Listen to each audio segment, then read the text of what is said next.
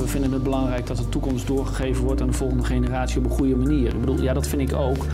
Ehm, maar dan moet je kijken van wat is daar dan voor nodig. Is de boer tot bordstrategie realistisch en uitvoerbaar? Het is onderdeel van de Green Deal waarmee Europa in 2050 klimaatneutraal moet zijn. Ik praat erover met bestuurslid Dirk Bruins van LTO Nederland. Welkom. Ehm, wat heeft de sector aan deze nieuwe maatregelen? Nou, vooralsnog is dat best lastig in te schatten. Uh, ik ben wel een beetje teleurgesteld in uh, wat er nu ligt. Uh, maar als je het positief bekijkt, dan zou je kunnen zeggen: kijk, waar we wel, wat voor ons wel belangrijk is, en dat hebben we vaker aangegeven, is dat er in Europa een meer level playing field ontstaat. als het gaat over wet en regelgeving, die nou verbonden is aan, aan duurzaamheid. En dus daar zou je kunnen zeggen: van ja, daar, zit, daar zitten best kansen in. Maar dan moet je wel met realistische doelen zul je moeten komen, uh, die aansluiten bij de praktijk uh, en die vanuit de praktijk ook werkzaam zijn. En wat er nu ligt, zijn gewoon plat een aantal getallen die genoemd worden, waarbij ik zeg van ja, dat is, de onderbouwing daarvan die ontbreekt wat mij betreft en vind ik ook niet erg praktijkgericht. Nee, want als je even kijkt, een greep uit de strategie, halvering van het pesticidengebruik, 20% minder kunstmest en verdubbeling van het biologische landbouwareaal. Ja, dus minder bemesting, maar men wil wel dat de bodemvruchtbaarheid verbetert. Nou, dat leeft al wat op gespannen voet. En boeren zullen dat gewoon echt niet begrijpen. En ik begrijp het ook niet. Um, andere punt is bijvoorbeeld gewasbeschermingsmiddelen halveren. En dat zijn van die doelen, dan denk ik van, maar wat is het doel aan zich? Volgens mij is het doel dat je zegt, je wilt meer circulaire economie hebben. Ehm, je wilt meer biodiversiteit hebben. Um, maar als het gaat over het plat halveren van het aantal gewasbeschermingsmiddelen, ja, dat kan ook betekenen dat je gewoon veel meer ziektes en plagen krijgt, omdat er gewoon geen goede alternatieven zijn. En we zullen wel moeten blijven eten. Dan zal de druk om meer landbouw areaal te, uh, te krijgen, zal, zal juist weer vergroten. Dus dan is het het paard achter de wagen Dus ik vind echt dat je nou zou moeten kijken van wat voor doelen streven we nou met elkaar na en hoe kunnen we dat bereiken. En dat ontbreekt wat mij betreft. En ik ja. vind dat het heel veel onderbuikgevoel is waarop men zich baseert op dit moment. Als dat het gaat over wetenschap en kennis. Nou, en volgens mij, als we kijken naar de huidige crisis, van corona hebben we toch wel geleerd dat wetenschap, feiten, dat het heel erg belangrijk is om daar je beleid op te baseren. Ja, als ik jou zo hoor, zijn er meer complicaties dan, dan dat het echt wat op gaat leveren. Ja, vooralsnog vind ik dat, vind ik dat wel. Uh, en zoals gezegd, hè, het ontbreekt daarbij aan uh, realistisch gehalte en uh, vanuit de praktijk. En dit lijkt toch te veel van ach, achter een Brussels bureau bedacht te zijn. Ja, bedacht door, door Eurocommissaris Frans Timmermans. Heeft hij verstand van zaken? Want je, je, geeft het, zelf eigenlijk ook al wel aan.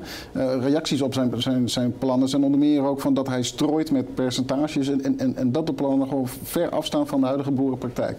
Ja, nou ja, dat, goed, dat zei ik net ook al. Ik vind dat dat het inderdaad echt zo is. Uh, en ik verbaasde me. Afgelopen week reed ik inderdaad naar huis en ik uh, hoorde een interview met, uh, met Timmermans op, op volgens mij was het op Radio 1. ook naar aanleiding van deze presentatie. En toen was het toch op heel veel vragen inderdaad van... ja, we vinden het belangrijk dat de toekomst doorgegeven wordt aan de volgende generatie op een goede manier. Ik bedoel, ja, dat vind ik ook. maar dan moet je kijken van wat is daar dan voor nodig? en hoe kunnen we dat onderbouwen en hoe kun je stappen maken daarin. Ik bedoel, we hebben al heel veel gedaan in het verleden. Uh, sectoren zijn ook bereid om stappen te maken. Uh, mits dat wel betekent dat je ook gewoon uh, bestaansrecht hebt. dat er ook gewoon een boterham verdiend kunt worden met de dingen die je doet. en, en van alles zie, zie, ik daar onvoldoende van terug op dit moment. En, en, is het wel heel erg gebaseerd op emoties en te weinig op wetenschappelijke onderbouwing en kennis. Ja, moeten we ons zorgen maken? Uh, ik vind wel dat je, hier, uh, uh, dat je hier oprecht zorgen over mag maken. we zijn hier al langere tijd mee bezig, dus we lobbyen hier ook, ook voor. Um, en het is allemaal nog niet in beton gegoten. Maar je ziet wel duidelijke denkrichtingen daarin. En waar ik de zorgen over heb is, en ik denk dat het bij veel boeren en tuinders ook zo zal gelden, ook terugkijkend naar het verleden. Uh, we hebben te maken vandaag de dag met uh, de Natura 2000 gebieden, waarvan we zeggen van ja, is dat eigenlijk allemaal wel zo goed ingestoken destijds? En zijn er wel de goede afspraken gemaakt? Als je nou niet uitkijkt, dan maak je weer een aantal afspraken en dan zitten er harde getallen bij. Zoals bijvoorbeeld wat ik zei over die gewasbeschermingsmiddelen. Of het areaal uh, wat uh, uh, biologisch bewerkt zou moeten worden. Of de afname van het gebruik van, van meststoffen. En als je die nu al vastklikt en je weet niet of het realistisch is en of je daarmee het beoogde effect ook haalt en de doorrekeningen daarvan nog niet gemaakt zijn je niet oplet, dan loop je vast in je eigen vuik en heb je straks wetgeving waaraan iedereen zich van moet houden omdat het opgeschreven is, maar het niet uitvoerbaar is. Eh, dus ik vind dat je daar terecht zorgen over mag hebben met elkaar. Ja. Ik heb ook uh, telefonisch contact gehad met jullie lobbyisten in Brussel. Zij zegt ook van. Ehm, het, het, gaat nog jaren duren voordat boeren hiermee te maken krijgen. Want uh, uh, uh, het is nog geen wetgeving, dat gaat dus nog lang duren. Maar ondertussen zegt Brussel dat, dat, de agrarische sector in 2030 om moet. Ja. Dat is al bijna dan. Ja, dat is, dan is het dan al bijna. Dan zit je dan bijna voor een voldongen feit. Kijk, en op zich is het goed, nogmaals, dat je zegt dat je richting geeft aan van waar gaat het beleid heen. Volgens mij heeft iedereen daar wat aan. Daar hebben ondernemers ook wat aan. Uh, dus nadenken over van welke richting gaan we op. Uh, volgens mij is dat goed. Ook om te kijken van hoe zorgen we dat er een level playing field uh, ontstaat. Laat me zeggen, zodat ondernemers ook gewoon wat kunnen verdienen. dat zijn goede, goede zaken. maar de weg daar naartoe moet wel heel goed afgesproken worden en afgestemd worden met de praktijk. en dat, dat gebeurt op dit moment onvoldoende. Ja. En is het ook niet vooral een streven van, van Timmermans met dit plan? Ja, dat zou, je bijna van, uh, dat zou je bijna kunnen denken. Maar ik hoop toch niet dat de politiek zo in elkaar steekt dat het een streven van iemand is dan zeggen, om zoiets uh, erdoor te krijgen. Uh, en ik vind ook dat je vertrouwen moet hebben in, in, de, in, de, in de lobby die we dan kunnen doen met de lidstaten. ons eigen land natuurlijk.